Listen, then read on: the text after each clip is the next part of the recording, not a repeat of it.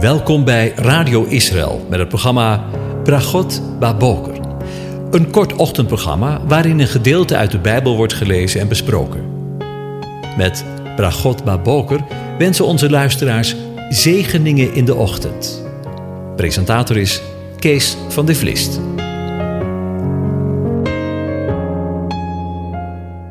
Goedemorgen, luisteraars. Vanmorgen denken we voor de laatste keer na over Psalm 68 en daarvan het laatste vers. We lezen daar: O God, u bent ontzagwekkend vanuit uw heiligdommen, de God van Israël. Hij geeft het volk kracht en sterkte. Gelooft, zij God. Tja, we zijn vandaag alweer aan het laatste vers van deze prachtige Messiaanse psalm toe. En het zijn opnieuw ontzagwekkende woorden die de dichter van de psalm uitspreekt. O God, u bent ontzagwekkend vanuit uw heiligdommen. U bent geweldig, o God, vanwege uw sancties, vertalen de rabbijnen. En ze wijzen erop dat de meervoudsvorm die het Hebreeuws hanteert, uw heiligdommen, als een toespeling op het tweeledige bestaan van bijs hadikmos. Ik heb het al eerder gezegd, de bijt Hamikdash is het Hebreeuwse uitdrukking voor de tempel die voor het eerst werd gebouwd door koning Salomo. Een bayit is een huis, een mikdash komt van kadosh, dat heilig betekent, het heilige huis.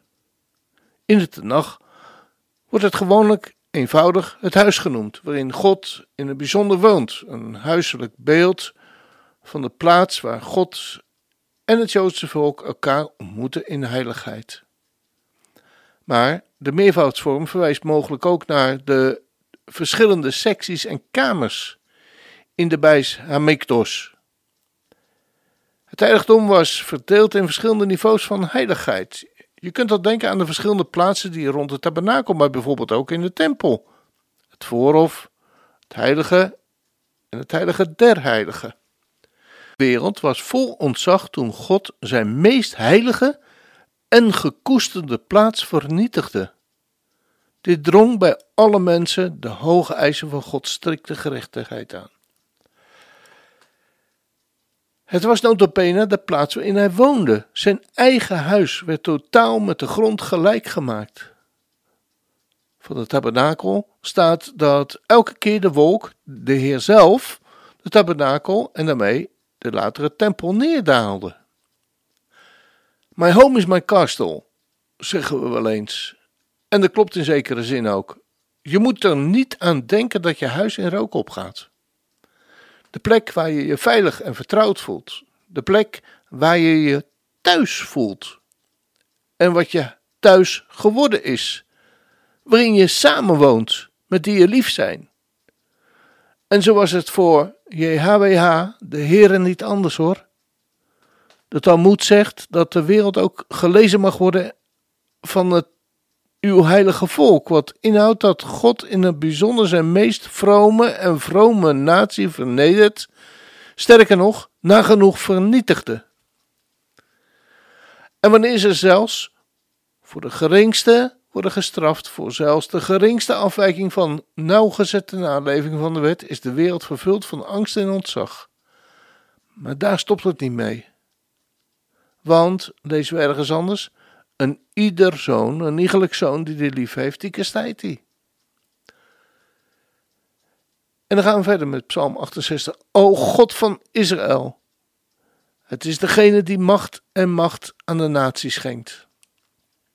God zal koninklijke macht schenken aan de Messias en buitengewone macht aan het hele volk Israël, zoals de profeet Micha 5 vers 7 niet voorspelt, maar voorzegt, profeteert. Luister maar. Het overblijfsel van Jacob zal zijn te midden van veel volken, als de dauw van de Heer, als regendruppels op het gewas dat niet uitziet naar iemand en niet hoopt op mensenkinderen.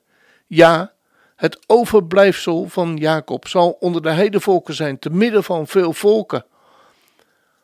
Als een leeuw onder de dieren van het woud, als een jonge leeuw onder de schaapskudde, die, wanneer hij er doorheen trekt, vertrapt en verscheurt, en er is niemand die redt.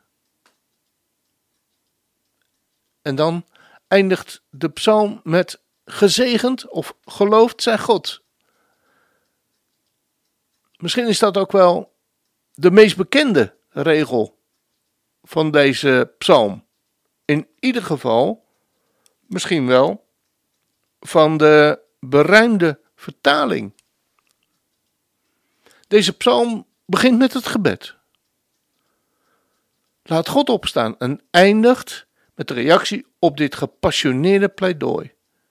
In de toekomst zal God aantonen dat de goddelijke gerechtigheid waarover hij beschikt, met zo'n schijnbare hardheid, in feite verhulde weldadigheid was. Op dat moment zal de hele wereld God enthousiast zegenen voor alles wat hij heeft gedaan. Als dat geen zegen is,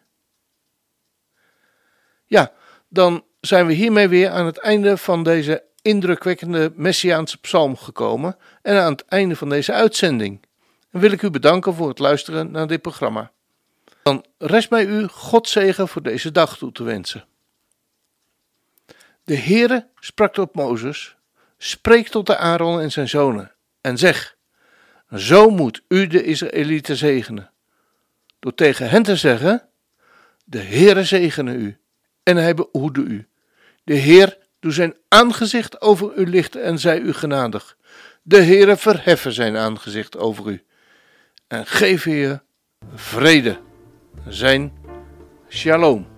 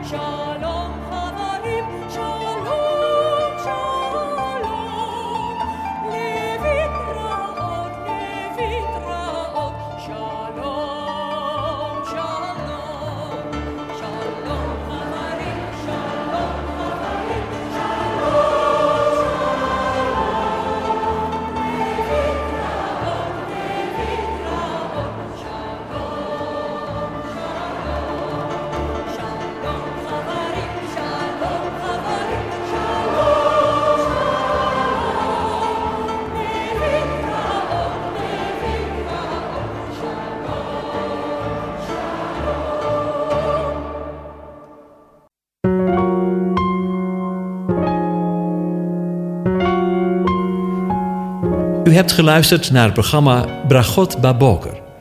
Een kort ochtendprogramma waarin een gedeelte uit de Bijbel wordt gelezen en besproken. Wilt u het programma nog eens naluisteren, dan kan dat. Ga naar radioisrael.nl en klik onder het kopje radio op Uitzending gemist.